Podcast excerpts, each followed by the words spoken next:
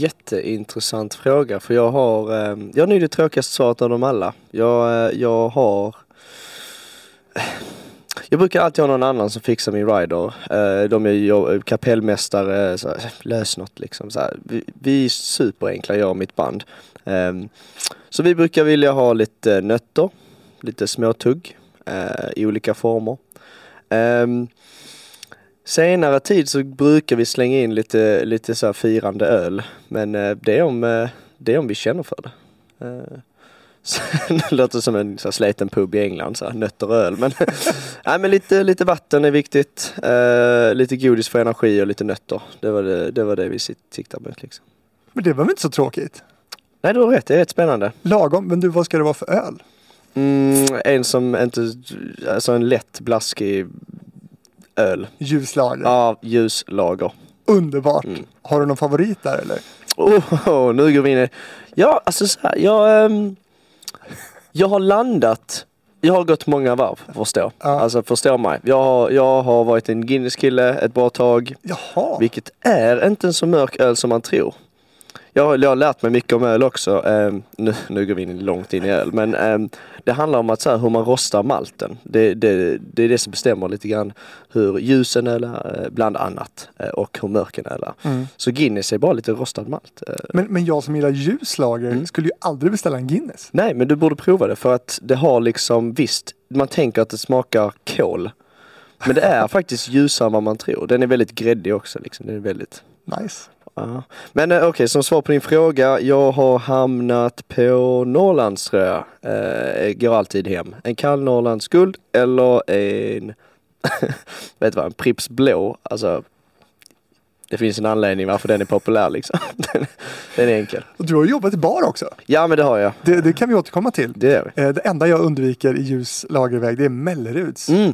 Vilken av dem? Är det utmärkta eller, äh, vänta då får jag tänka. Den som alla barer har nu. Ja, nej men det, det är den, eh, det finns ju Paradpilsnern, det är den man köper. Aha. Och utmärkta pilsner är den på fat tror jag. Ja, den på fat. Eh, den är skarp, ja, den är lite skarp. Den det, har lite... det är någonting med ja. den, jag, jag hoppar den gärna. Ja, men okay. det är många som har den nu, de har liksom tagit marknadsandelar känns det som. Ja men de är, de är bra liksom. men det är kanske bara inte för dig. Det här blir en ölpodd. Verkligen, och det blir så här politiskt. Man får lite vara taskig mot någon. Liksom. Känner du så? Du inte vill vara taskig? Uh, I de flesta lägena faktiskt. Är du konflikträdd? Uh, jag, vet du vad? Jag är inte konflikträdd. Men jag är väldigt mån om att inte liksom lägga ett onödigt avtryck uh, på en negativ sida liksom. Är det, är det, det betyder alltså att du är fruktansvärt konflikträdd? Nej, okej, okay, det kanske stämmer. Det kanske stämmer. När bråkade du senast med någon? Oj. Ja, okej. Uh, uh, ja, det var, det var nog... Uh, det var nog ett tag sedan jag bråkbråkade med någon.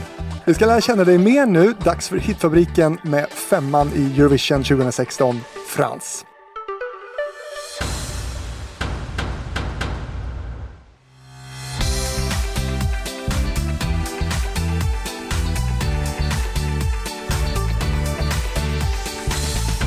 Frans Jeppsson Wall, närmare bestämt, eh, är gäst den här veckan. Född 98 i Ystad och som har haft två liksom, genombrott på den svenska musikscenen. Men som också har haft eh, stor framgång utanför Sveriges gränser. Något som kanske inte alla känner till och det ska vi prata mer om lite senare också. Men du, du har flyttat till Stockholm. Ja. Det är lite, hur kommer det sig? Ah, vilda vatten. Jag vet inte. Jag eh, fick möjligheten Eh, det var verkligen uh, en, en, en, en syssling, säger stockholmare, men jag säger nästkusin, uh, till mig som frågade Hej, jag har en, en öppning i liksom hans familjs lägenhet. jag vet inte vad man nämner dem i familjetermer, men familj säger jag. de ska iväg, vill du bara hålla mig lite sällskap? Och detta var precis under pandemin då jag var väldigt eh, inlåst och eh, rastlös kanske? Rastlös. Det kliar i fingrarna något otroligt. Mm. Och jag tänkte, vet du vad, byta miljö, komma in i eh, Stockholmspulsen lite grann. Tänkte testa något nytt. Liksom. Det var kul. Varför inte? Men du har ju också känts otroligt lokalpatriotisk innan. Har du svikit Ystad? Kan man vet säga vad? så? Inte alls. Jag, eh, jag ber till Ystad varenda dag. Nej, jag vet inte vad man ska säga. Jag, Absolut inte. Jag, eh, det finns ingenting jag vill älska mer på min lediga tid än att åka ner och vara med familj och hunden och träffa vänner. Det är ju det är de hunden också. Sa jag hunden? Ja, du sa det. Ja, jag kan säga Heter Panda. Stapanda. Mm, nästan. Men eh, hon, Inspirerad av. eh, att hon är en eh, svart och vit border collie. Ja. Är, så hon tyckte det var lite roligt. Att min eh, make, min man, Mm. hade ju din pappa i gymnastik. Är det så? Ja, Alltså vad är detta för värld? ja roligt. Det är liksom, vi diskuterade precis innan vi började hur dina föräldrar bodde i Svarte. Mina svärföräldrar. Ja. Svärföräldrar, förlåt, Mm, bodde i Svarte. Och nu i Ystad. Och nu detta.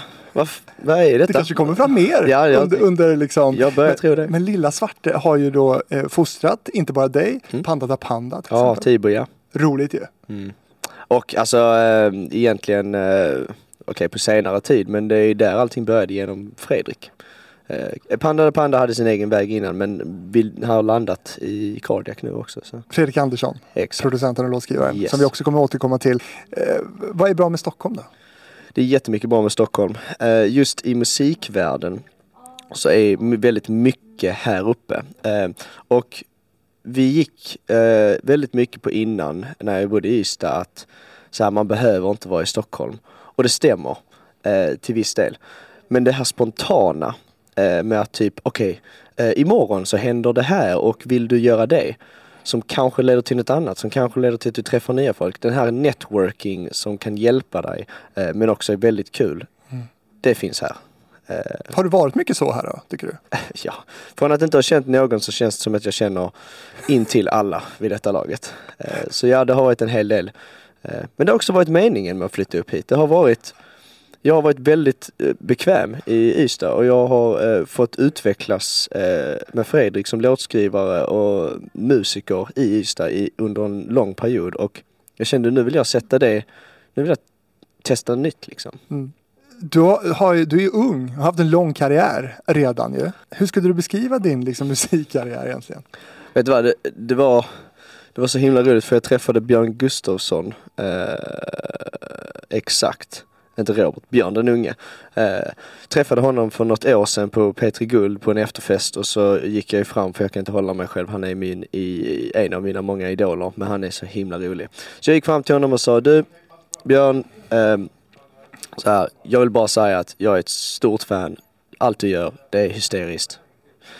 Så, och han sa, han stod då med Adam Pålsson. Nu bara namedroppar Ja, ja, jag kör. namn här liksom för att det är kul. jag stod där helt lyrisk. Så sa han, men fan, det är ju du. Så du är ju typ 13 och har haft en 22 år lång karriär. Det är helt sjukt. Jag var så här, ja, nu när du säger det. Hur många toast fick det mötet? Alltså, eh, ja, fem av fem. Jättekul. Jag kan inte uppsköterska så bra men eh, så jag tänker inte försöka det. Absolut. Ja, du, men det, det, du känner igen det liksom. Du tycker att det är så. Att du har haft en, en sjukt lång karriär och är 13. Liksom. Ja, exakt. Jag har ju, jag har inte sett det så. Jag har inte sett det som ett jobb. Jag har inte sett det som, jag har inte någonsin. Jag ser det inte fort som, fortfarande som ett jobb. Jag har sett det som en livsstil. Eh, jag har hamnat i detta av, ehm, av eh, jag vet inte riktigt skälet men jag är väldigt tacksam över det i alla fall. Ehm, och jag, när jag gör musik så, så, så är det, det tar inte ut på energi, det ger mig energi. Så att jag kan inte heller säga att har, åh, det har gått, vad har det gått nu? Har det gått 12 år? Ja, typ. Alltså 10, 2006. Från 2006 ja. Ja. Jag vet inte, nu får jag räkna ut matten här. Det är 2023 nu, 6, 3, 10, ja det är mer, 15 år. Satan. Jaha, det är länge. Mer än 15 år. Jag är uppe i 18 år. Ja. Jag är inte 16, Snart 17. 20 kan du säga. Alltså va? Snart Det var ett 20. skämt! Ja. Ah, det där är helt galet. Jaha. Ja, Känner du man- dig gammal nu? Ah, snart gör jag. Jag fyller år snart. Vad fyller du? 25. Ja. Är det, hur känns det? Ja, snart 20 år ja. Ja, det är helt sjukt. Ehm, det känns, eh, jag har verkligen inte tänkt så. Gud vad galet. Vad har du för mental ålder då? Eh, högt och lågt eh, får jag säga, om jag får säga det själv. Jag, har, jag var tvungen att faktiskt bli, eh, inom mina situationstecken som inte sägs här på, eller ja, som jag demonstrerar här. Jag har fått växa upp ganska snabbt. Speciellt efter Eurovision. Eh, men eh, jag är mån om min lekfullhet. Eh, så kanske vi möts på mitten och size 25. Ja men det är bra. Ja. Du, ehm, ska vi riva av det som hände 2006 då bara för att, för att ehm, det ska handla om en låt nu som, som inte lämnade den svenska topplistan på 20 veckor. Eh, Singeln låg på första platsen under 10 veckor och låg fem veckor på Svensktoppen.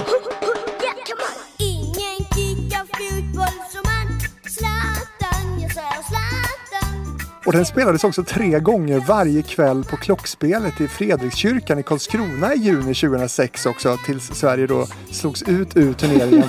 För den här gjordes ju i samband med fotbolls-VM 2006. Ja. Eh, hur fotbollsintresserad är du? Jätte.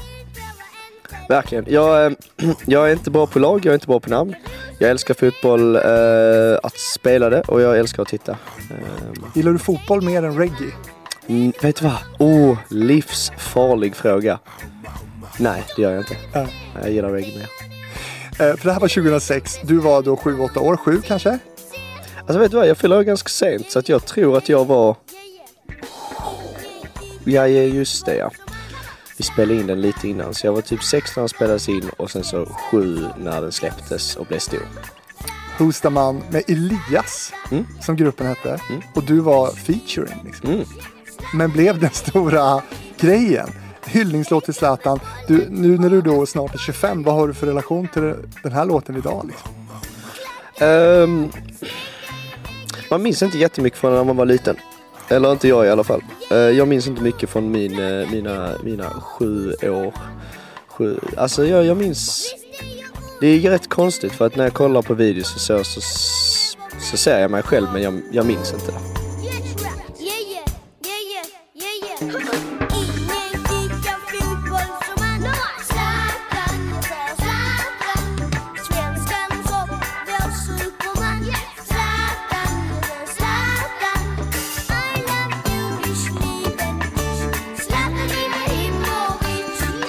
Och det var kanske lite skönt. Eh, att det var så stort så att man inte tog in det. Hjärnan eh, hade inte format den liksom. eh, relationen jag har till idag är bara att eh, det, det, är en, det är en fantastisk historia. Eh, och eh, om vi ska snacka om jag fortfarande spelar den live så det händer. Det har jag sett på Youtube också Ja. att du gör. Det, alltså jag, det är om så här publiken och jag har haft en bra, så här, en bra spelning så är det väldigt kul låt att spela. Eh, I nästan alla lägen så har jag spelat den. Krävs den av dig? eh, ja, det gör väl inte det alltså egentligen. Inte längre. Nej, Men eh, den är väldigt kul wildcard. faktiskt. Lite otippat att du ska köra den kanske. Mm. Ja, det är ju det. Men den här hypen som blev då, du minns inte så mycket av den? Nej, ingenting. Jag minns små segment, typ att trummisen älskade Coca-Cola och att... Ja, jag minns att eh, eh, på Allsång på Skansen, när då, så var det... Så hade jag bestämt mig för att nej, jag orkar inte detta. Jag vill hem. Och, Okej. de, och då sa de, eh, Fredrik liksom, mm, ska vi inte... Bara liksom köra lite grann? och då hade jag snabbt vänt och så här, ah, okej då. Och ja, men som Allsång på Skansen-giget då, som idag har nästan 4 miljoner visningar på Youtube. Nej, galet. Hur hittar du denna information?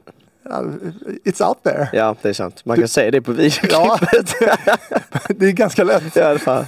Men det var länge sedan du tittade på det kanske? Eh, ja, faktiskt. Ja. Just den där delen i, i alla fall, eh, av mitt liv. Men du, skulle du säga att den har, liksom, hur mycket har, har den betytt för dig den här låten? Mycket. Det är, eh, det är där jag blev incurlad i den här världen. Mm. Eh, och eh, det var ehm, där jag hittade, också där jag det var kanske inte där jag hittade kärleken till musiken, det kom lite senare men det var åtminstone där jag fick eh, the taste eh, for it. Jag Mm. vet inte det svenska uttrycket. Och jag är verkligen inte så ofta att jag drar engelska slang. Ja, men du eh, fick smak på, på det här musiklivet Mm. liksom. Verkligen. Men, men barnstjärna, det vet man ju hur det går för dem. Det Gud ja, kolla på mig och- nu alltså. Men har, har du haft någon kris? Eh, tusen, hur många som helst. Inte över dig dock. Ehm, för mig har det varit så här att jag, jag, mina föräldrar var fantastiska. Eh, är fortfarande faktiskt. Så du vi får in det. Det, det är med, det är med, det rullar. Ja. Ehm, och de var väldigt, samt Fredrik också, eh, och alla i bandet egentligen. De var väldigt mån om att skydda mig från det kära fenomenet av barnstjärna. Och därav så var det många, många regler som, som följdes. Det var liksom inte spelningar efter klockan sju, det var liksom väldig rutin, det var ingen utomstående intervjuer, eh, om inte det var liksom på plats eller någonting. Det var tillbaks till skolan. Och jag är väldigt tacksam över det även, det kommer att vara en röd tråd in till nästa segment antar jag, men att jag fick växa upp med folk i min egen ålder. Det tror jag räddar mig. Och att jag fick ha lite ungdom, lite äkta ungdom. Men fan vad uppstyrt, vad, vad bra. Någon tänkte på dig. Mm, vad skönt.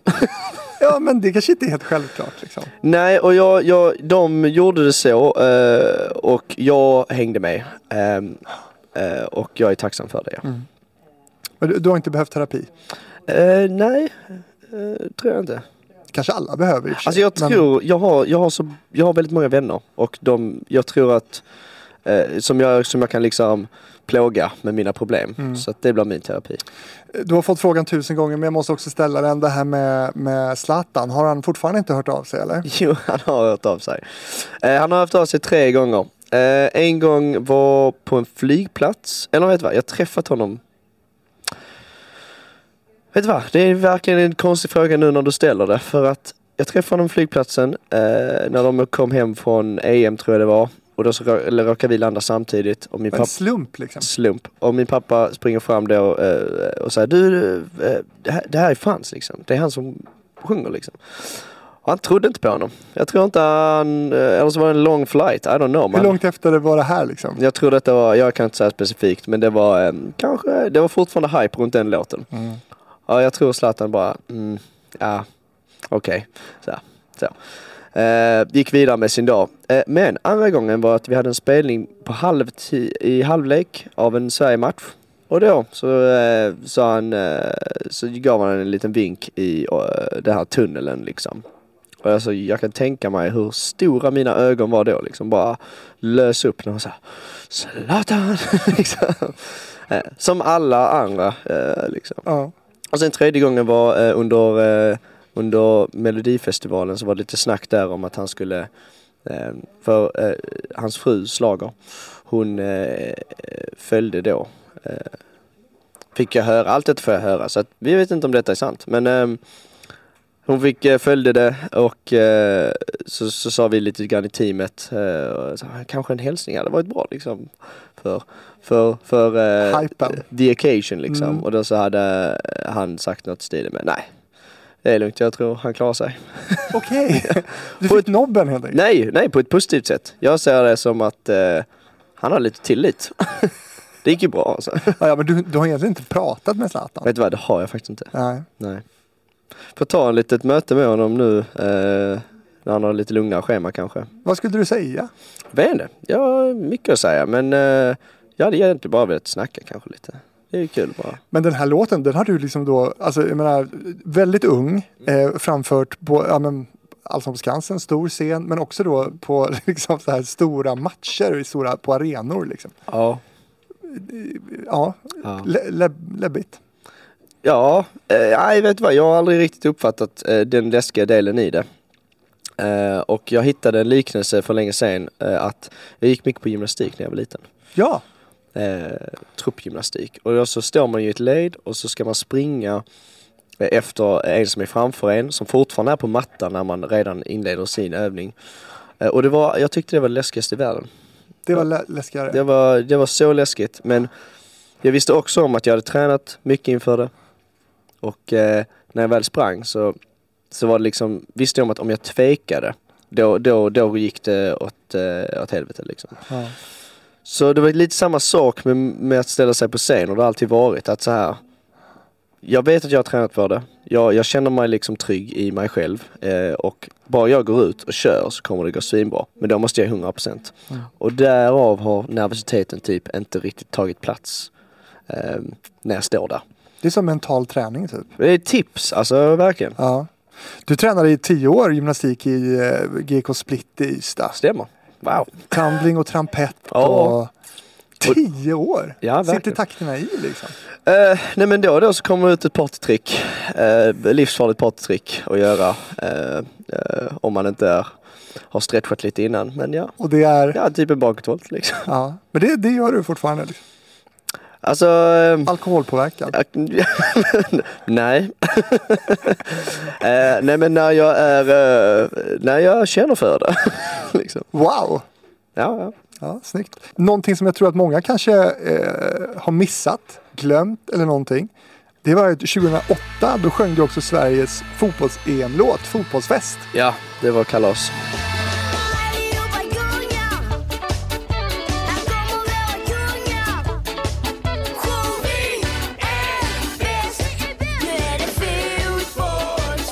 Ja, vad hände med den?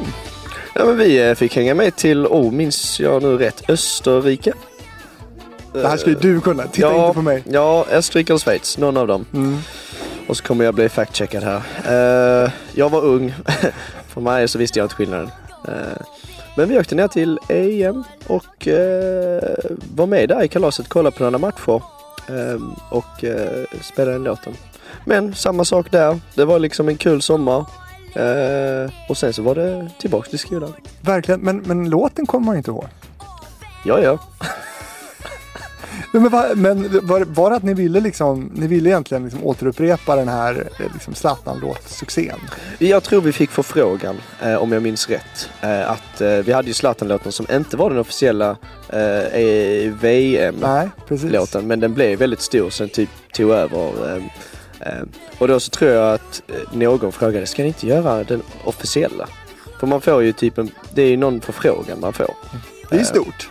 Det är jättestort, så hur kan man tacka nej till det? det går inte. Vad har du för relation till den låten då? Ja men det var lite samma värld som Zlatan-låten. Det var, det var fotbollsfest. Det var, det var liksom en kul grej. Det var eh, ett kalas. Coolt ändå som fotbollsfan att ha fått göra det någon gång i livet. Och du fick göra det som typ kid. ja, det var nice. Du vill göra det som vuxen också. Ja men det kommer ju. Det kommer ju förr eller senare. Du, tio år efter den där Zlatan-låten i alla fall så, så dyker du upp i, i Melodifestivalen och går då direkt till final från din deltävling. Rehearsing my pretty please.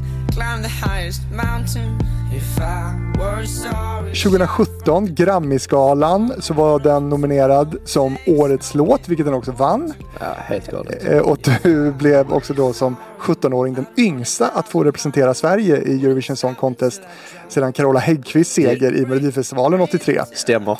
Eh, och låten placerades även på första plats på Sverigetopplistan och har över 100 miljoner spelningar på Spotify. Ja, det, det är...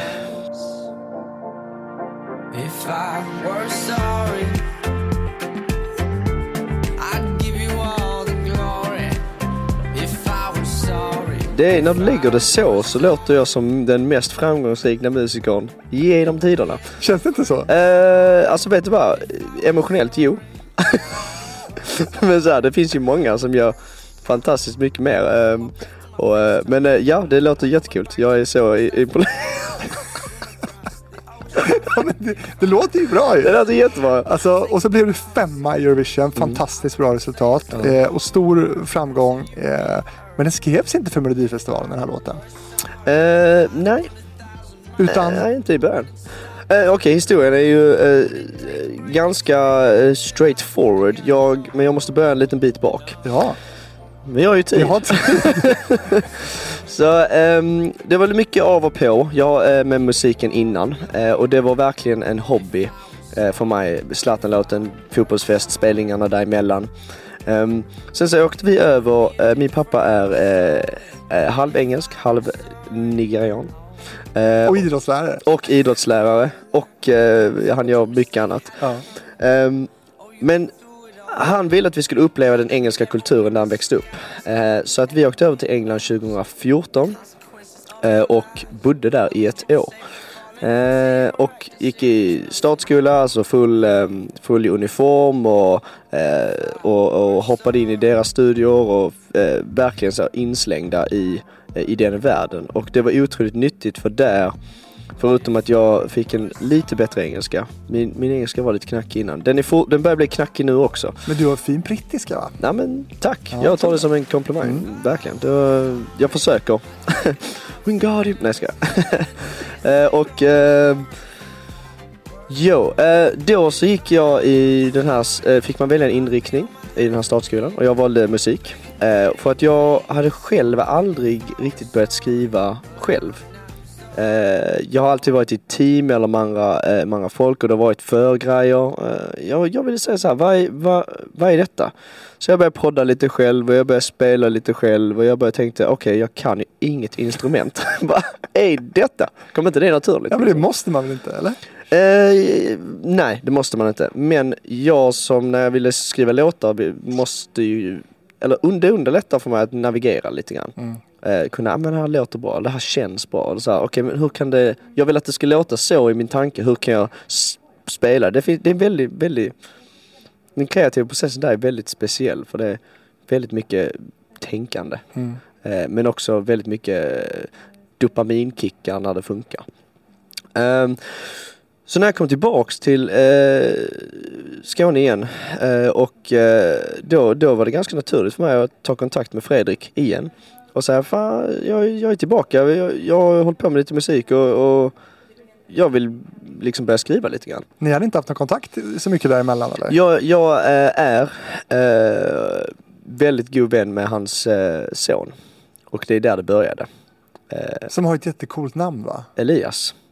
Ja, men Som han har, bandet. annan, har han ett barn till. Jo, han har tre barn. Han har Elias, Vilde och Grabb. Grabb tänkte jag. Grabb, ja, han, Fantastiskt. ah, han, han, eh, han, har, han, har, han är set for life liksom. Han har tänkt på allt. Han är grabb. Ja, fortsätt. Eh, nej men, eh, och då började vi skriva. Eh, och verkligen inga tankar. Eh, jag hade precis kommit ur en, en relation ganska dramatiskt.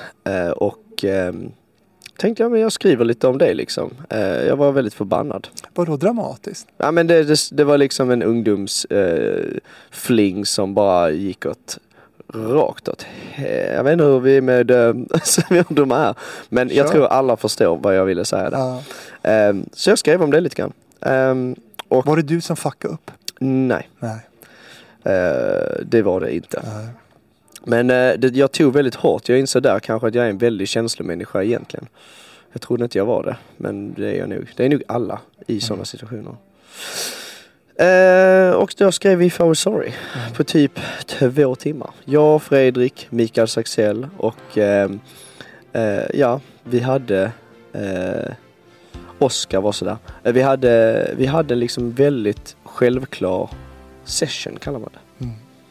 Men din fråga var, det skrevs inte för Mello och det stämmer. För att när vi hade skrivit den låten så satt vi där med en, en klar låt och tänkte, jaha, vad gör vi nu? Så det här är ju inte för någon fotbollsevenemang. Vi har ju inte några strikta datum att hålla här liksom. Det här, eh, det här ska inte, ska vi släppa den själv? Jaha. Eller ska vi släppa den? Så, eh, det här, eh, vi tyckte den var bra men, men det är ju omöjligt att säga eh, hur den kommer att tas emot och, och om det vill jag detta. Kom all, hela vågen av de, eh, de känslorna, de tankarna eh, föll ner på mig och eh, Fredrik och alla eh, involverade. Och då bestämde vi oss att, vet du vad? Melodifestivalen poppade upp. Det kan vara ett kul sammanhang att vara med i. Och det är ett väldigt bra fönster om du vill fortsätta eh, med musiken, att etablera att du gör musik igen. Eh, och det var så det såldes in och jag var väldigt så här, vet du vad, det här kan vara en kul grej. Mm. Kände du när du lyssnade på den att, eh, att det här skulle kunna vare en vinnarlåt? N- när jag lyssnar på den så hör jag en historia. Eh, jag hör min historia och för mig med... eh, det är jättesvårt för mig att sätta den i en annan kontext Mm. än just historien. Kanske därför det, det, det kanske blev som det blev. Att det, det kändes lite kanske... Eh, det hade en annan... Jag menar, jag hade en väldigt emotionell koppling så min, min koppling till låten är jättesvår för mig att snacka om egentligen. För jag vill inte heller rubba allas uppfattningar. Men... Eh, minns inte ens din fråga, jag försvann i världen. Nej, men kände, när du hörde den eh, och liksom det färdiga resultatet av låten, kände du att det här är en mellovinnarlåt? Verkligen inte. Alltså eh, med all... Nej, för tänk, låten är ju svinbra men man tänker inte att det är en mellovinnarlåt. Ja, men när, du, när du säger mellovinnarlåt, då går man efter någon sorts facit över vilka låtar har vunnit mello. Och då så kommer man ju in per automatik i den här, okej, slager, det här energirika, det här stora, det här liksom mycket energi, två händer upp i luften, eh, huvudet ner avslutningen. Och så hade det varit eh, och är fortfarande till viss del. Men, det, men det var så långt ifrån den låten. Mm. Eh, Så det, var ju, det var ju därför också när vi gick in, det kändes som väldigt lättnad att vi inte behövde gå in för ett tävlingsperspektiv om man skulle lägga det så krasst. För att vi, vi älskade låten på vårat sätt. Blev du förvånad att den vann? Jätteförvånad, gud det. Alltså jätteförvånad. Jag blev ju främst bara förvånad ehm, under genrepet. eh, att jag, jag minns vi kom in där i lokalen, där det var ett, jag var precis efter ett rockband. och ehm, Linda Bengtzing var där också någon, någon innan så att det var, det var fullt ös och alla stod där och alla, alla var så himla liksom energifyllda och du vet och så kommer jag dit och kör en lugn liksom halvrappig ballad liksom med lite tonstegshöjning i slutet. Jag, och så fick jag en väldigt positiv respons av eh, appl- applåder. Jag var, ja, där blev jag väldigt chockad. Tänkte jag, jaha, liksom, va? Såg ni inte elden innan liksom? Men eh, ja, nej, jag var väldigt chockad ja. Så kan det gå när man berättar sin historia. ja. Liksom. Jag tror jag lärt mig lite grann från just det. Ja. Och du var 17 då, kommer in, vinner Melodifestivalen, kommer femma i Eurovision. Har du stängt den där mellodörren nu då eller? Jag har mycket kontakt med Karin, hon som är nya, jag kallar henne eh, Christer Björkman eh, 2.0. Fast jag älskar Christer Björkman, han är typ egentligen 2.0 så hon är väl 2,1. Nej men ehm, Karin Gunnarsson. Karin tävlings- Gunnarsson, eh, exakt. Hon, eh, och vi har jättegod relation. Eh, jag älskar henne. Och eh, vi har snackat mycket om det faktiskt. Att kanske eh, om jag var sugen på en return i den världen. Och för mig så är det, har, jag sagt till henne också, att jag är den här programmet, den här festivalen eh, betyder så mycket, är en sån, är en sån otrolig stämpel i mitt liv och jag, om jag ska ingå i någonting sånt igen som det var, det var så mycket stress, så mycket, det, var, den förändrade mitt liv totalt eh, på det positiva. Eh, men allt som kommer med det. Så jag kände, jag känner att om jag ska med där igen så handlar det verkligen om att jag har rätt låt. Ja men det säger alla ju. Det kanske de gör ja, och Ja. it makes sense. Ja. Men det handlar om att det, man blottar sig själv något otroligt och så är det ett sammanhang där det är eh, till viss del en tävling, en, en, en, en, liksom, en bedömande. Du får en annan sorts folk eh, allmänheten tycker. Så då måste du vara otroligt säker i dig själv och i din låt.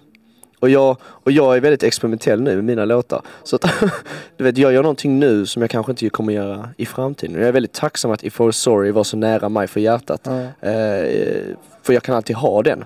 Eh, och veta var jag har den. Eh, Men ska jag tolka det rätt då att, att du, du har inte hittat den låten än? Jag har inte hittat den låten. Eh, och sen så i, i, i kombination med att jag har inte provat något annat hundraprocentigt. Jag har varit igång med den låten, jag har varit ute, vi, vi kanske går in på det, men, men jag har inte testat något annat. Så jag, jag känner mig, efter min långa karriär, känner mig fortfarande lite, lite ung och, och, och nyfiken på hur man, kan göra, hur man kan bara släppa musik och jobba på andra sätt. Ja. Och det är du inne i nu kan man säga. Det är jag verkligen inne i nu. Och det ska vi också naturligtvis prata om. Det är ju jättespännande. Mm. Ehm, men som sagt, mellodörren är öppen för rätt låt. Ja, nej, men den, Så är- kan jag det, tolka ab- det kan absolut vara så. Känner du inte att det är liksom att du, att du eh, inte borde det? Alltså du har ju varit med en gång, vunnit, kommer femma i Eurovision. Mm. Alltså du, det kan inte bli bättre ju. Nej, verkligen. Och det är lite kanske, eh, det, det är också en tanke som slår en att så här. Jag har inte gjort mitt, men jag har, jag har liksom, jag har fått uppleva det här. Jag har varit så, den, den där, man blir lite rubbad det där liksom, det där minnet. Jag är väldigt tacksam att det gick bra. eh. Sen så vann ju eh, Måns året innan. Så det var i Sverige. Så det var inte, det var hemmaplan och det var inte samma så obligationer, du måste vinna Nej. liksom. Så det var ju väldigt skönt. Men eh, nej, det var, det var lite press liksom. Det var det. Du, det var, var ju inte superlänge sedan det här ändå. Eh, när såg du ett klipp från, från det här senast? Oj, nej. Vet du vad? Om jag ska vara ärlig, jag har inte kollat på ett klipp från den tiden sen den tiden. För mig det har jag så mycket i minnet eh, och eh, det räcker. Har du sparat kläderna? Mm, eh, vet du vad? De enda kläderna jag har kvar är typ den här lilla, eh, eh, nu kommer lite branding här kanske men Kör. Team Sport, jag hade ju sådana här typ Sverigemössor från Zlatan-tiden. Då vi hade den på när vi spelade. Jag fick reda på senare att de tog slut ganska snabbt men eh, jag har någon sån kvar i källaren liksom. Men nej, annars inget. Men Eh, alltså från eh, Eurovision? typ, nej, alltså. Eurovision, typ inget. Du Ja, slängt det liksom? Nej, det är, eller det är någonstans. Den bruna liksom eh, Ja. bomberjackan och den vita tröjan och kostymbyx kostymbyxorna är kvar. De kommer till användning. Nej, de passar inte längre. Gör du inte? Nej, för att jag var 17 och jag har tydligen växt lite sedan dess. Och hur gick det med den här tjejen? Eh, nej, men hon mår säkert bra idag. Eh, Ingen kontakt? ingen kontakt, nej. Nej. Men jag tänkte på det också, med storytelling. Jag gick och kollade min så här, Spotify Wrapped i uh, förrgår. Alltså, nej du kan kanske inte gissa vilken min toppartist är. Alltså jag har, jag har funderat länge och hårt. Det är något otippat alltså? Cornelis Vreeswijk. Ja. Ja.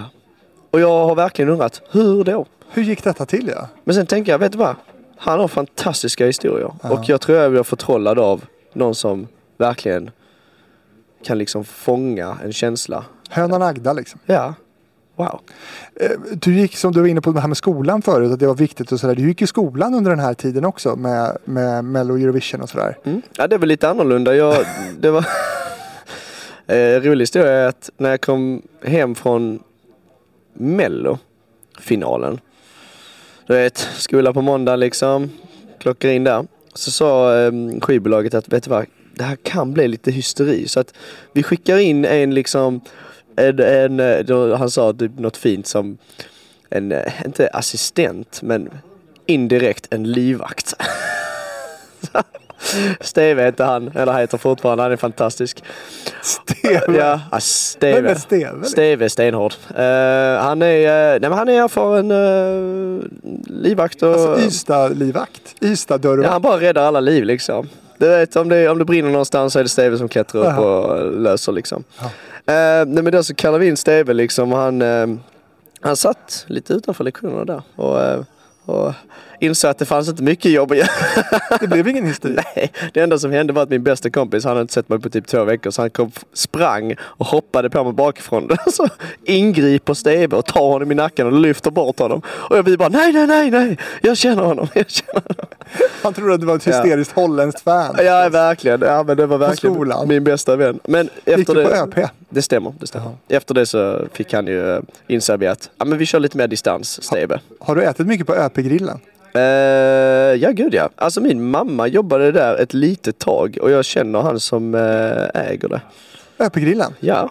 Du, är inte, du, är inte Alltså, det jag- ganska intressant? Alltså nu när det finns så jävla, sån hamburgertrend liksom med smashburgers och Ja. alla har den. Fan saknar man inte en god ÖP-burgare ibland? Alltså det här simpla med, Ah. med en fryst köttbit Ja. mellan två stora liksom plattor och värme. Ja. Den här, den här Bos, inte bostongurkan men den här typ, verkligen typ Felix vad heter det, smörgåsgurka stuket. Enkel ost, enkel sallad, ketchup och hamburgardressing som bara är majonnäs, ketchup och bostongurka. Jo, man saknar det något otroligt. Så, Gud vad gott. Ja. Du, alltså, ga- ganska stor förändring då för dig i alla fall. Gå från en vanlig gymnasieelev till att ha sin egen livvakt då, Steve. Steve. Men du kände dig aldrig Jag hot? vet inte om jag får säga hans namn nu när jag tänker på det. Han kanske är inkognito. Att, du kan säga att det var ett fingerat namn. Ja, okej. Han heter Ja. egentligen någonting annat. Jag vet inte vad han heter, men vi kallar honom Stefan. Ja. Men har, du har aldrig känt dig hotad? Du har aldrig behövt en livvakt? Eh, Nej, inte så. Jag har inte riktigt... Det är det här med det konflikträdda. Ja. Det gynnar. Nej, Ja, jag vet inte. Jag har inte känt mig så hot... Nej, jag har verkligen inte känt mig hotad. Verkligen inte. nej. Du, eh, 105 miljoner eh, streams på Spotify. Vad innebär, innebär det för, för dig liksom ekonomiskt? Ja, nej men alltså alla, det låter ju fantastiskt. Eh, men, Ja, fast alla vet ju hur lite man tjänar på de där spelningarna också. Men det är ändå 100 miljoner. Jo, jo, abs- absolut. Det är en, eh, det är en, ehm, jag vet vad, jag har börjat på senare tid se alla streaminginkomster som eh, motsvarigheten till dricks. Ah. Det är någonting kul att få. Eh, och visst, det finns mycket, man kan absolut hämta in mycket i det om det går bra. Eh, men det är inget man ska basera någonting på. Eh, för att det är inte konstant och det är inte självklart. Men vet du vad du har dragit in bara på den låten? Ja, alltså jag vet hur mycket den genererar, eller jag vet hur mycket jag har fått ur den. Ish. Men jag vet ju också att det finns labels, eh, producenter, manager, eh, låtskrivare. Det, det, liksom, det delas upp bra med kakor. Eh, som alla eh, låtar. Men har du kunnat leva på den? Eh, nej, det skulle jag inte säga. Inte bara den. Nej. Eh, Men du, har- precis, du har ju andra låtar också. Men, men ehm, just den här då Mm. med 105 miljoner streams. Är, är det, trillar de in fortfarande liksom? Alltså, Eh, hur- ja men det är väl lite kul ibland när det kommer in en liten summa. Tänker man, jaha just det. Men det är också det med musik. Det är också det som är så himla konstigt med streaming generellt. Ja. Och inkomster. Det är så här att spelningar är spelningar. Du gör jobb, du fakturerar, du får. Ehm, och det är inte lätt att få spelningar alltid. eh, men det är lite så det funkar. Men streamingtjänster. När du sitter och skriver en låt i, låt oss säga juni. Du släpper den kanske i januari för att den ska gå igenom hur många cirklar av helvete eh, som helst av tycka, tänka, placering, jobb inför. Du släpper den i januari. Den liksom går bra i slutet av januari och där börjar det kanske revenue. Det är alltså peppar, peppar, alltså fullkornspeppar liksom. Det är, det är om det går bra. Då så kommer, och utlandet ska vi inte ens in på, men då så kommer liksom inkomsten, ja men någonstans i oktober kanske. Ja, det, är, Tidigast. det är långsamt. Och det är den första delen. Och när det gick bra för låten då kommer den ett år. Så, det, är så här, det är jättesvårt att beräkna. Till exempel Inför Sorry gick ju bra i andra länder och då tar det så här mycket längre tid. Och de gick bra i andra länder ett år senare efter den släpptes. Så det är så här, Och så ja, har du YouTube på det. Just det ja. Men ja, alltså det är så här, saker som kommer in då och då men det är inget jag kan räkna med. Så det blir en kul överraskning. Och Ja. det är kul att hålla det så. Du, det dröjde inte så länge för en riktig klassiker i de här sammanhangen dök upp. Nämligen att den anklagades för att vara alldeles för lik en annan låt. Ah, shocker. Kommer du ihåg vilken? Eh, ja, eh, det var nog... eh, eh, så, vilken av dem? Nej, jag skojar. Det var Catch and Release, Ja. eh, minns jag. Jag minns att det var, jag fick höra det väldigt mycket. Let it wash over me. Ready to lose my feet. Take me off to the place where one reviews life's mystery. Steady on down the line. Lose every sense of time. Take it all in and wake up that small part of me. Day to day, I'm blind to see and find how far to go. Everybody got their reason. Matt Simon. Matt Väldigt bra eh, låt Älskar och eh, han- artist också. Det är väldigt bra för mig att säga att det är en väldigt bra låt. Den var så lik din. 2014 kom den låten ifrån. Eh, De här, hur tog du de där plagiatanklagelserna? Eh, inte alls. Alltså jag bry, kunde inte bry mig mindre. För saken är så här att Du höll inte med? Nej, alltså nej främst så höll jag inte med. Men, men så här, jag, jag tog inte till mig heller liksom. För dem så är det så här, okej, den här personen ska inte Eurovision. Vi anklagar honom eh, och stressar upp liksom hela teamet. För om vi blir anklagade så åker Oscar Sia istället. Ja, just det. ja men det är massa sånt. Så att jag, jag sa ni får lösa det på något sätt. Eh, jag vet inte riktigt fullt vad som hände efter. Eh, men eh, jag är inte heller eh, arg på dem. Men det är mycket sånt inom musikbranschen. Det är mycket så här. Det finns 12 toner på piano och liksom kombinationerna kommer ju stuka på varandra förr eller senare. Ja. Men jag skulle ändå rekommendera att lyssna en del på Matt Simons för han har bra låtar. Vet du vad? Det tycker jag med. Promote Matt Simmons eller Simons. Precis, shout out till honom. eh, men du innan vi lämnar mellobubblan här då. Eh, Mm. Du har ju liksom inte stängt dörren har du sagt men du har inte gjort några försök. Du har inte skickat in någonting Nej. efter det. Nej, för att om jag skickar in någonting, alltså jag vet inte, då, då går jag in för det. Ja. Så att ja, alltså det, det går väl hand i hand. Ja. Ehm, efter Eurovision så kommer inget album. Nej. Det fanns inget Så var det med dig med den punkten. ja, men, men, det, men det, det var inget förberett där. Nej, som vi sa, vi var ju inte riktigt förberedda. Nej. Eh, Men du släpper singlar, som den här.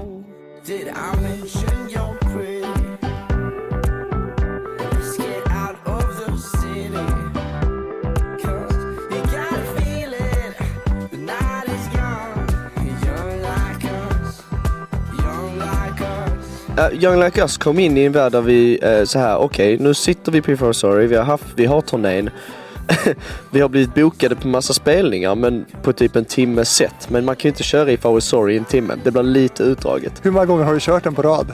Eh, jag har faktiskt bara kört den en gång per ställe. Ja, okej, ja. Jag är väldigt mån om att... Och det är samma sak med att jag kan inte heller typ bara sjunga partier av den. För mig är det så här, om jag ska sjunga den då kör jag hela. För det är en, det är en story. Jag kan inte bara berätta slutet eller berätta början. Jag tror att jag har varit på en fest där Emil Henron körde sin mellolåt två eller tre gånger möjligen på samma Alltså kväll. man kan absolut köra liksom, om det känns bra, kör, go for it. Liksom, det finns många säkert som, okej vi tappar publiken lite grann, vi kör den låten de känner till. Ja. Du har inte behövt det. Ja, jo det, det hade jag säkert behövt, men jag kan inte göra det. Nej. Men du, ja, du bokades på en timmes gig, hade en låt. Mm. Ja. Panik. Ja, men jag hade väldigt bra team med mig, väldigt bra band som hjälpte mig och vi körde eh, mina tolkningar av andra stora låtar. Just den turnén. Du släpper också året efter, eh, nämligen 2017, en låt som heter Liar. Ja. Favorit för mig måste jag säga. Tack. Väldigt Vad bra kul. låt. Berätta om den. Um, så A Young Like Us kom lite stressigt uh, egentligen efter det här. Vi måste ha en ny låt. Eh, och det är aldrig bra. det är aldrig bra att inleda en session med vi måste ha en ny låt.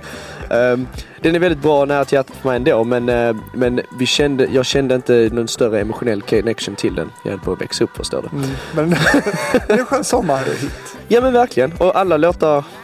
Åh, vad heter den konstnären? Ehm, Åh, jag vill referera honom so badly. Eh, Jaha. men jag glömmer hans namn. Ehm, och han gjorde faktiskt Sångfågeln. Om du kanske har Eh, Billgren. Billgren. Jag såg Billgren på TV4 där han hade målat en tavla och de sa vad representerar denna för dig? Och han sa ja, inget speciellt. Det var liksom bara en bra tavla. Och jag blev så himla, jag blev så himla glad när jag hörde det. Ja. Det, ja, det liksom visar att, visade mig att allting behöver inte vara liksom så här genomtänkt och så fullt liksom så här, och det här har en så här åtta betydelser, big onion lagrad. Det kan bara liksom kännas bra. Eh, Ernst Billgren. Ernst Geni. Billgren. Ja, Han är ju det liksom, för en anledning. Men det här är intressant för jag har en, en tatuering här på Ja. Mm. min underarm.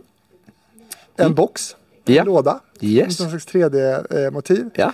Eh, sen jag gjorde den så har jag fått väldigt mycket frågor. Mm. Även från random personer på stan. Jaha, vad betyder den här? Och, sådär. och då var jag ärlig från början och sa, nej, det betyder inget. Alltså, den är, det är en snygg form. Eh, det köper ju inte folk. Folk gör Folk inte blir det. förbannade. Typ. Ja. Nej, och, eller så här, man kan inspireras av mycket men det behöver inte ha en betydelse. Ja. Mm. Eller man behöver inte sätta ord på det. Och eh, lite så har jag jobbat in nu den senaste musiken jag skriver, eh, fortfarande än idag. Att ibland kommer det en situation där jag verkligen inte, det är så, så konstigt för att när du skriver en låt så är det nästan som att du har något att säga. Men att jag verkligen går på bara känslan av låten. Eh, vad den, vad, vad, vilka, vilka ord kommer fram eller vilka, vilka melodier kommer fram i form av känslan till låten. Det behöver inte betyda att jag, bara för att jag vill resa iväg och sjunga I wanna go away, betyder inte att jag vill resa iväg eller ska någonstans. Men betyder det att liar har egentligen ingen liksom, Nej. betydelse? Det var Young Like Us. Jaha, det var gärna Okej, Förlåt. förlåt. Nu Eh, kommer vi till liar. Ja, ja, ja exakt. Liar är, ehm, det var eh, också en sorglig ehm, eh, situation. Gud. Eh, men i form av en, en, en, att man växer i situationen. Jag växte väldigt mycket i eh, den här relationen. eh, som gick, eh, som så här, blev, blev, blev, blev dålig för, ehm, för oss båda. Och inte en kärleksrelation. Många tror det. Nähä. I'm a liar too.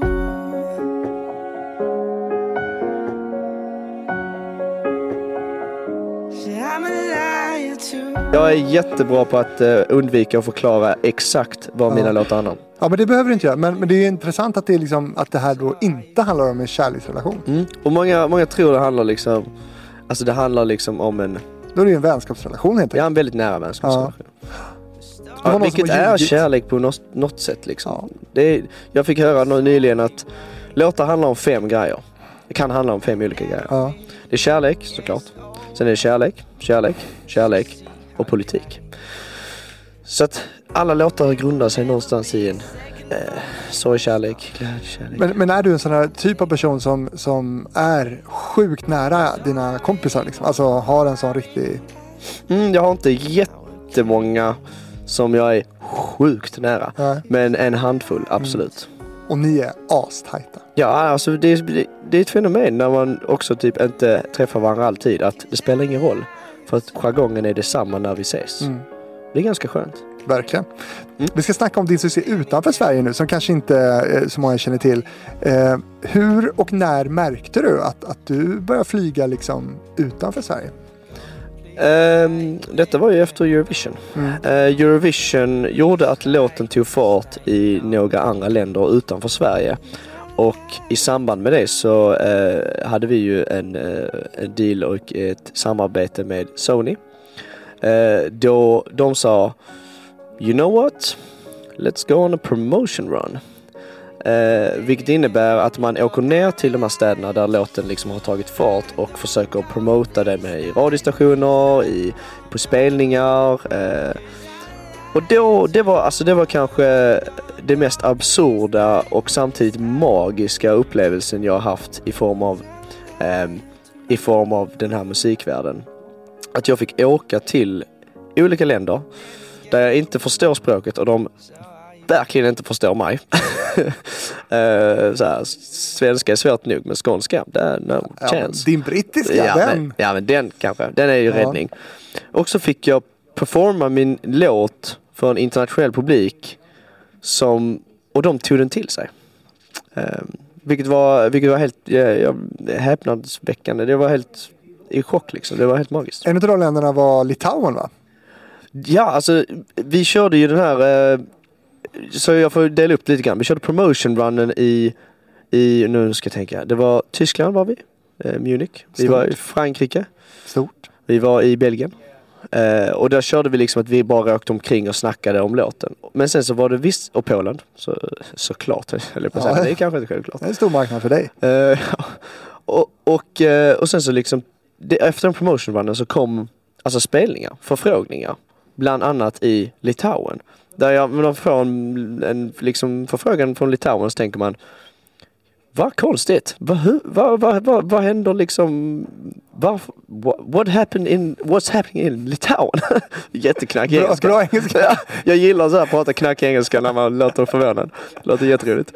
Men, ehm, och då sökte vi dit. Och så, jag, jag skojar inte, det var en av de största spelningarna. Vi var där två gånger i och för sig men Du tänkte att du skulle ha en spelning på ett litet torg där i princip. ja, Det kom över 20 000 människor. ja, jag kunde inte säga slutet. Och alla kunde låten. Och det var liksom We made it!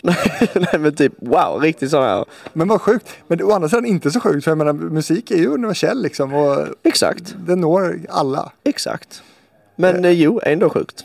Men du, Polen måste vi prata om. Vad har Polen betytt för dig? Jag har varit väldigt mycket i Polen och Polen har liksom bjudit in mig till de roligaste, eh, mest oförutsägbara situationerna i min musikkarriär, absolut. Eh, Berätta allt. Okej, ehm, så att vi åkte över och hade lite spelningar, tekniskt sett en promotion run. Eh, så vi var nere i, alltså det ska ju säga, du, man får ju googla upp detta, det heter Zjezjov, men det stavas typ R-W-Z i, jag vet inte. Eh, och där var vi hade en jättestor spelning. Eh, och sen så var vi i en, eh, i Sopot i Gdansk och hade, kom in, trodde vi skulle ha en spelning, men visade sig vara en tävling. Som du vann. ja, exakt. Eh, men det var så här, vi kom in till en, alltså en scen som var uppbyggd som så här, eh, har du sett sådana JBL speakers? Ja. De här stora. Tänk en sån inspirerad scen med LED överallt. Tekniken wow, finns inte liksom. Och så kom vi dit och så säger han You are number six, uh, we competition now. Och vi bara va? händer? Jaha? Och så får vi reda på att det är en tävling som heter då Top of the Top där de kallar in lite topplåtar eller låtar som det har gått bra för när de tävlar och sen så fick man möta the president of Sopot. Eller det var då governor. Ja, jättekonstiga och roliga sammanhang. Så ja, mycket, mycket Polen. Sjukt ju. Verkligen. Och där kan man också se klipp med dig med publikhav som är liksom galna. Ja men det är det som är grejen. Man, man vet ju inte vad man ska förvänta sig. Men jag har haft otrolig eh, tur, alltså kanske, men ja. Eh, att hamna på sådana här ställen och få Ja. uppleva detta. Och priset du vann det är alltså på svenska då översatt den gyllene näktergalen. Ja, eh, ja exakt. Fint. Jättefint. Det är jätterolig historia också här att jag ehm, eh, fick inte ta med den i handen i customs för att näbben var för skarp och ansågs vara ett vapen. Så jag fick lägga ner den i min, eh, i min eh, icke förberedda väska och när jag anlände så var näbben liksom 45 grader sned. Och jag bara såhär, åh nej! Men jag lyckades böja tillbaks den. Var är den idag? Den är hemma hos mig. Jag har en liten, eh, liten samling av Här i priser. Stockholm? Eh, nej, mormor har den faktiskt i en låda. Eller inte en låda, på väggen. På väggen. Alla mina priser. Fint. Ja, men hon håller koll på Det är det. mormor som har dem. Mm. Gulligt. Men du, de polska fansen då, hur är de? Fantastiska. Mm. Eh, verkligen. Alltså fans och fans. Eh, de jag har träffat i... i verkligen. Men var Steve med? Han Vet du vad? Vi där. kan ha behövt Steve där. Ja, han som vi kallar Steve. Han som vi kallar Steve. Mm. Vi kan ha behövt honom där. Eh, men nej, var det jag fick uppleva. Det, de var helt fantastiska. Eh, jättekul att träffa så här. Eh, Bara så här nytt, nytt folk inom samma eh, bransch liksom. Så också folk som jobbar med det Mm. och, och deras takes och deras insyn. Det, Du, Tyskland var du inne på också. Det är också galet. Du låg etta på radiolistorna där. Eh, Det är inte många som har lyckats med det som svensk artist. Mm. Det är en enormt stor marknad. Eh, Vad, vad, hur mycket har du varit i Tyskland? ja, en hel del. Saken är att man glömmer bort lite grann. Saken är, när jag kom dit, Sverige är stort för mig. Jag är från en liten stad. Stockholm, jag, jag vill säga konstant. Men man glömmer bort att liksom Tyskland till exempel har, vad är de uppe i? Är, de, är det 90 eller 120? Det är Nej. Polen är 90 och jag tror de är så här 130 miljoner människor. Mm. Fact-checka mig inte, jag kan dem fel. Men då så liksom blir det typ en helt annan storhet eh, om det, som i detta fallet liksom går bra på radion. Det är om man blir uppfattad på ett annat sätt märkte jag för här är det väldigt så här även när jag kommer till Stockholm och kommer in i, i, i branschen som man säger att få träffa andra artister i olika sammanhang på spelningarna, på evenemangen på, och folk som jobbar med det. Då blir det väldigt så här familjärt. Vi är kollegor liksom så här. Man, man lär känna folk. Folk känner folk. Alltså, det är litet. Mm. Där är det inte litet. På, där, är det så här, där finns det ungefär 20 stycken sådana kolonier. Och, och, och, och ja, jag vet inte. Jag, jag blir bara så här chockad av storheten. Men trivs du i de sammanhangen? De stora sammanhangen? Ja men det gör jag nog. Jag, jag, jag, ja, jag tycker det är kul. Hur mycket trivs du i Amsterdam? Jättemycket. Fin övergång till Jättesnyggt. låten. Väldigt bra. I'm a free man in a captive soul.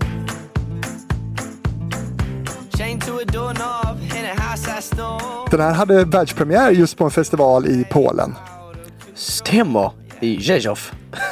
Var det- Ja det var det. Berätta om Amsterdam. Amsterdam var en av de låtarna jag skrev eh, där jag satt hemma och det kliade i fingrarna för att jag hade inte mycket att göra. Eh, och eh, jag tror jag gick i, jag gick, jag precis slutat skolan. Jag, jag parerade skolan och studion ganska bra. Så skolan på dagen, studion på kvällen. Jobb på dagen, eh, struktur på dagen och sen så typ fritt på kvällen. Eh, men då hade jag inte jobb på dagen så då blev det väldigt mycket musikskrivande liksom. Och, eh, Och jag den här släpptes 2019 ska jag säga. Mm. och jag satt hemma och jag kollade på en eh, Netflix dokumentär om en, om en festival och jag kände Gud, jag har inte någon festivallåt, tänkte jag. Jag har inte någon låt med, med liksom den energin som jag vet att jag hade tyckt det var jättekul att spela och liksom ge.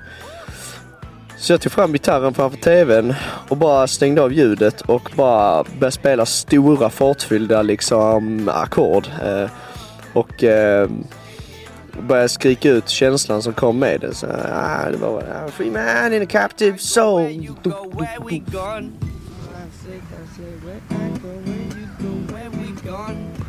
Amsterdam said where I go, where you go, where we gone. Amsterdam said i go, where you go, when we go Amsterdam, say where I go, where you go, when we gone. Eh, och så bara landade på att egentligen, jag hade nyligen varit i Amsterdam och eh, jag är kär i staden. Alltså jag är kär i hur det är sex städer i ett, hur vackert det var eh, och eh, jag kände också the comparison av eh, det här liksom vackra, fina, fria eh, tyckte jag var liksom passande i den här låtgrejen. Så det blev en titel och sen så titeln gick över till att det blev mycket Amsterdam.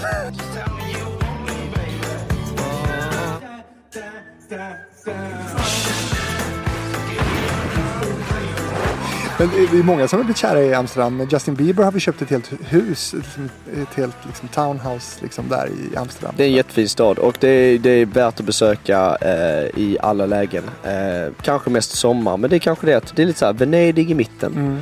Det är mycket sjöar. Ja, det är så Sen går du så kommer du lite till eh, Piccadilly Oxford Circus, lite så här stor statliga byggnader som ändå är fina och gamla. Ja. Sen går du utanför det så är det lite mer Köpenhamn, lite så här, lite funky liksom, lite kul och hållbarhetstänk i, i infrastrukturen. Mm. Sen går du utanför det så bara kommer du till typ någon sleten men ändå så här karaktärsfylld, eh, jag kan tänka mig, aldrig varit, men typ lite så här New Orleans känsla. Och sen går du utanför det så hittar du så botanisk trädgård. så att man, så här, man på en cykel där, alltså det är helt magiskt. Gillar du att röka på? Nej. Nej. Nej, verkligen inte. Jag, jag är ifrån och jag är ifrån allting. Eh, förutom the occasional eh, pilsner och, eh, med mera. Men Guinness. Guinness. Men nej, eh, det har varit simpelt för mig att jag, jag, eh, jag tror inte jag mår bra i det. Så att jag låter det vara. Nästa låt vi ska lyssna på är faktiskt en av också mina favoriter med dig. Den heter Do It Like You Mean It. Oh, Bra ju! ja. Eh, sampling by Condios. Exakt. Hur kom den till då? Eh, jag har sagt Vaya con Dios hur länge som helst men jag tror det är Vaya con Dios. Snyggt. Ja, jag vill bara så lägga ut Det det. är väldigt svenskt att säga by Condios tror jag. Ja, ja, Ja. det är kanske internationellt också. Men detta är ett väldigt kristet band från, eh, från förr som gjorde en banger. Och vi älskade hela liksom det här energifyllda, hoppiga liksom och själva... Svinbra. Den är eh, fantastisk. Och vi kontaktade dem och sa hej, vi älskar er, vi älskar denna tunen. Det här är min historia och vi vill göra en tolkning över eran låt.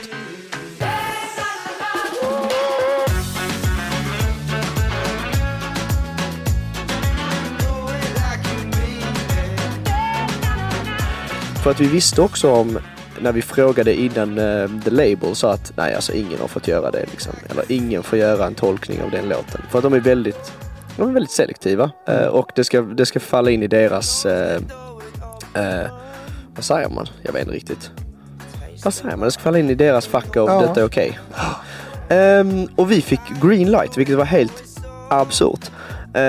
Så vi började skriva och sen så kom vi i kontakt, tänkte vi så här halvvägs. Du vet jag sjunger ganska slött.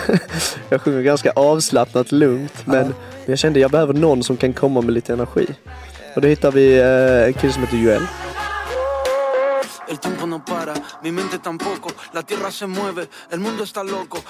Som är en fantastisk singer-songwriter. Eh, och rappare och allting. Han är ju eh, originally från Venezuela. Eh, så han sjunger på spanska väldigt mycket. Och vi bara tog kontakt och sa vi älskar dina grejer. Tror du du kan lägga någonting här? Och jag tror vi fick typ ett voice memo av honom där han bara inte, inte bara. Jag kan inte, åh nej, nej, vi, ska, vi stannar där. Men han, min spanska är hemsk. Men eh, det var fantastiskt. Så det gick bra. Det, där blev det. Har du aldrig gjort något med Panda de Panda? Nej. Vi satt i studion någon gång eh, och eh, vi, vi, han är fantastisk låtskrivare. Ja. Eh, och om man verkligen, jag, jag råder alla att lyssna på hans album Charlottenlund och speciellt Slipa sanden. För att det är vissa uttryck där och vissa ord och vissa meningar som bara slår en så hårt i hjärtat. För att han är som konstnär när han talar. Ehm, vi satt oss i studion någon gång någon sen kväll och eh, försökte göra någonting. Men vet du vad? Det blev väldigt sorgligt så det slutade med att jag tatuerade honom istället. Så du har tatuerat honom? Ja, jag har en sån picktatuering. Nice ju. Ja, det blev, han är inte glad över den. Det var Nähä. jättedåligt. Vad blev det för motiv? Nej men han hade ett pismärke så tänkte jag men jag kan göra cirkeln runt det. Ah, Den är inte, Inte en cirkel. Nej. Jag valde det svåraste motivet. Förklara för mig, alltså, vem som helst får, får göra en cover på en låt väl? Alltså Mm. det står väl vem som helst fritt att göra? Ja och nej. Okej, Jag tror så här, okej detta är inte mycket fact-checking här. Jag tror att man får absolut göra en cover. Alltså så här att, eh, så här, men att släppa en cover, eh, då måste det vara vissa regler som följs, typ att de inte ändrar orden. ja. Eh, och, för då blir det en annan låt. just det. För det, och det är det då när du samplar Via con Dios. Då Exakt. måste ni ha tillstånd för att då ändrar man liksom lite Exakt, av och vi använder originalspelningen. Eh, så vi gör mer en tolkning, eh, vi gör inte en, eh, en cover. Eh, men det är mycket sådana regler nu som, som är roliga, typ så att du får använda en Låt oss säga att den spelar. Om vi hade använt det nu, de Ja. hade stämt sönder oss. För de hade sagt det där spelar vi och de hade vunnit. Om 50 år efter den har släppts så får man kanske använda den. Eh, om det inte är typ en National Treasure tröja. Eh, det finns många sådana regler i musik för att ah, jag, jag vet varför men, men man får vara lite försiktig. Eller Men det här håller du på med mycket nu. Du sitter mycket med liksom, i telefonsamtal med jurister som precis innan här eh, och ska reda ut. För, för vi, nu måste vi liksom prata lite om vad, vad du gör nu. För nu ser man då att du, du lägger ut klipp från, från att du sitter i studior och eh, det är något på gång anar man. Vad händer? Vad händer? Vad händer är simpelt. Eh, jag har under, sen jag flyttade upp hit till Stockholm och slängt mig in i en ny värld, börjat skriva ny musik med nytt folk. Eh, väldigt så här eh, kastat mig in i att försöka lära känna nya människor och jobba med, med dem. Och jag har börjat skriva, eh, jag har skrivit konstant. Jag har skrivit konstant i två år ungefär. Eh, och väldigt mycket jobbat i skuggorna. Eh, lite Batman-stuk på mig. Hur många låtar finns? Eh, jag tror eh, allt som allt i banken av idéer, kanske 130. Eh, och typ redo för släpp eller potentiella sådana man behöver bara mixa, mastra och som jag vill släppa. Det finns mycket politik. Jag skriver inte alltid bra låtar. Då är vi kanske i en stabil 10 inför nästa år. Kanske inte släpper alla. Eh, troligtvis inte släpper alla. EP. Det är så lätt att bara knyta ihop säcken och bara album. Men nej, jag vill släppa lite singlar. Ja, för album är ju inte din grej. Du har släppt ett. Album för mig är typ att, låt oss säga, först och främst i dagens marknad är album väldigt speciellt. För album är, det kräver väldigt mycket av lyssnaren. Jag läste nyligen en bok om så här dopamin eh, och typ, eh, typ hur man själv kontrollerar sina, eh, vad heter det, substanser typ. Ah. Och endorfin och, och oxytocin, serotonin och hela hela det här och, och mycket liksom av dopamingrejen är typ eh, att långvariga och kortvariga dopaminkickar. Lite som eh, när du käkar eh, snabba kolhydrater och långsamma. Ja. Och att göra ett album är väldigt eh, långsam dopaminkick. Det kräver mycket tid av lyssnaren, mycket energi. Och jag tror bara inte i dagens samhälle folk orkar med det. Nej. N- när blir en EP ett album förresten? Eh, jag tror det blir antingen EP eller ett album och då så släpper man låt säga singlar. Jag släpper en låt nu, sen släpper jag en till, sen släpper jag en till, sen släpper jag en till. Då har jag släppt fyra låtar och sen så knyter jag ihop den säcken med att lägga till två låtar och kallar det ett album. Eh, en EP är väl mer så här, typ tre låtar och de kan man släppa på studs. Just det. Känns som att här, de här gränserna suddas ut lite nu eh, i den här nya tiden. Verkligen. Och sen så typ... Ett så- album kan vara åtta, EP fyra. Exakt, exakt. Det kan. Det finns inga regler vilket är skönt men, men i helhet så vill jag just nu bara börja få ut musik Ja. och börja liksom Men hur låter det? Vet du vad? Jag är så glad att du frågar. Jag har två uttryck jag har hittat nu eh, på senare tid. En av dem senast igår av en, eh, en låtskrivare som jag skrev med. Ehm, hon sa, nu ska jag säga det rätt för hon sa det så himla bra.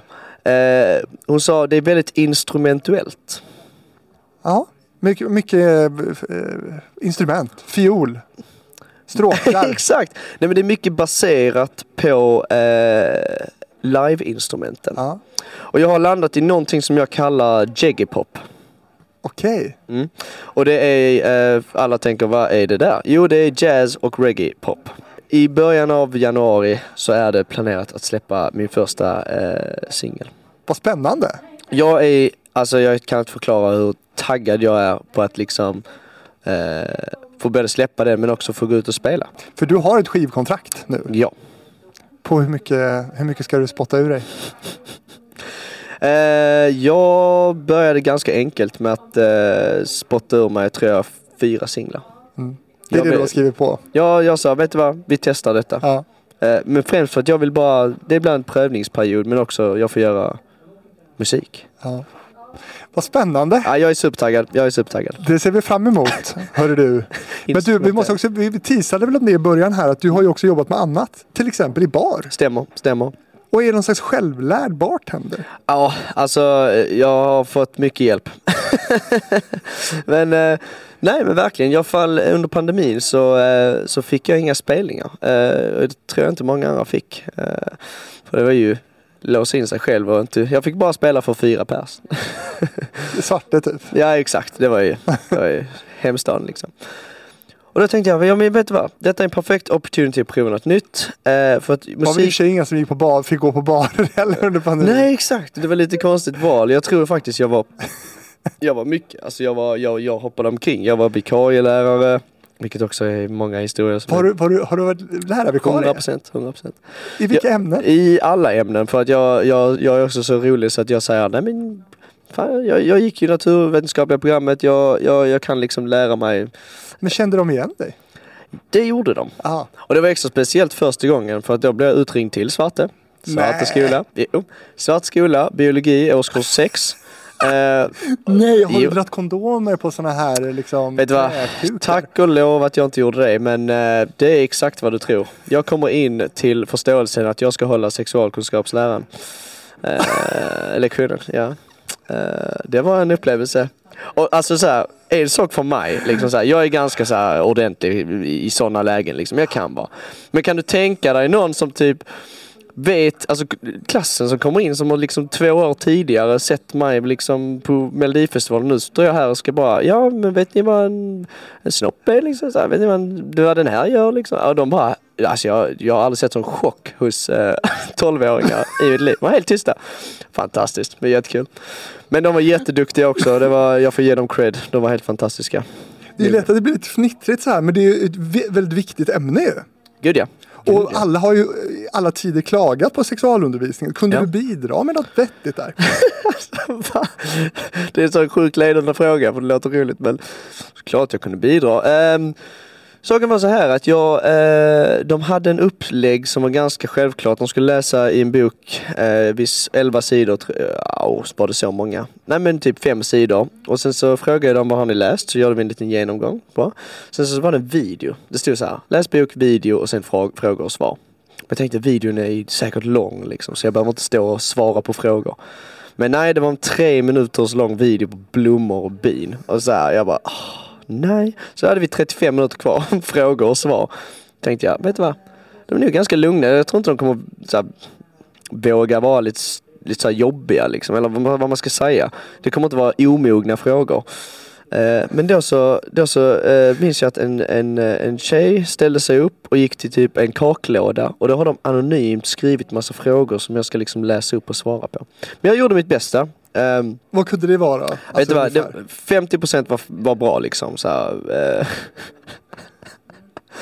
Nej men 50% var bra, typ så här, typ eh, eh, hur, eh, hur blir man upphetsad och så vidare och allt sånt här typ hur funkar det biologiskt. Eh, så det var liksom, det var inga problem, det kunde jag förklara, det går till så här liksom.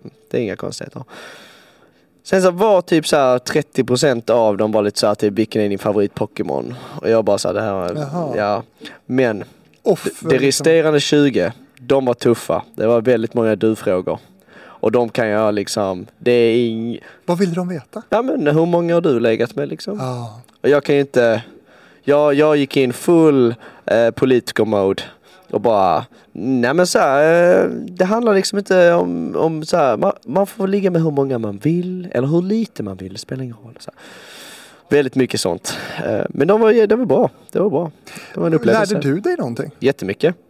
Eh, jag lärde mig främst hur man ska stå framför och agera framför ett gäng inom ett lärarsyfte. Men har de inga krav på Men du är väl inte utbildad lärare eller i, i liksom Nej, biologi och sexualkunskap? Ja. Hur kunde du få det Alltså jag tror man, eh, så här, ett var ju liksom, man får läsa på lite grann innan först och främst. Men jag tror att det handlade om, eh, så här, biologiläraren var sjuk, ska de inte ha någon lektion då? Det är ju nästan värre, Ja. tänker jag. Vi tar Frans. Ja, Det här är en sån absurd historia. Ja, det ändå. det är galet. Mycket roligare än jag- var. jag- jag fortsatte med många liksom. Alltså Ja. jag hade typ, jag, jag var i, nej det var någon så här, jag skulle gå igenom bärande väggar. Och jag bara såhär, vad är en bärande vägg? Så fick jag så googla upp det liksom och sen så gjorde jag massa exempel, det var jättekul. Men, men när du stod där framför den här klassen då, om vi får återkomma till den då.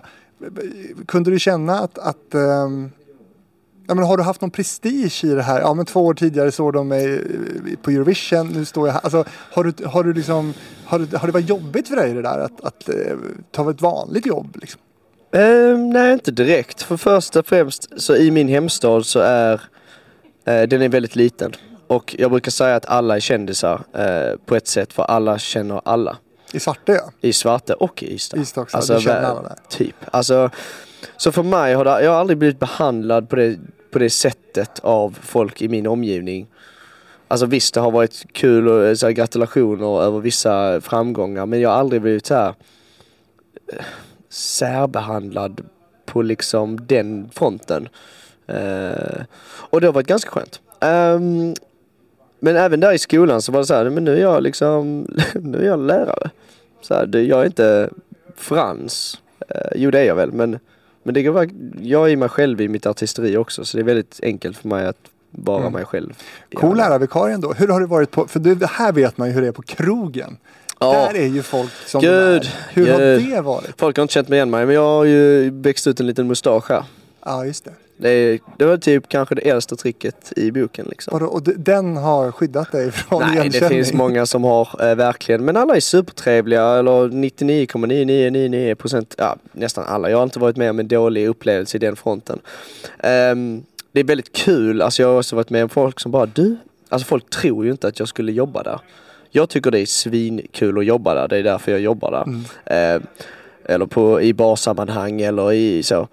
F- för att de här, jag har hört så många historier där folk bara Du, du liknar eh, Du liknar, jag, jag vill alltid vänta ut det för jag kommer aldrig ge dem det.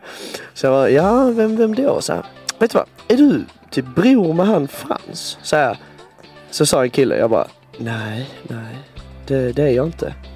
Han bara, äh, är du släkt? Jag bara Nej, nej, inte, tyck, nej, nej. inte." Han bara, men, men känner du honom? Ja, alltså bättre än de flesta liksom.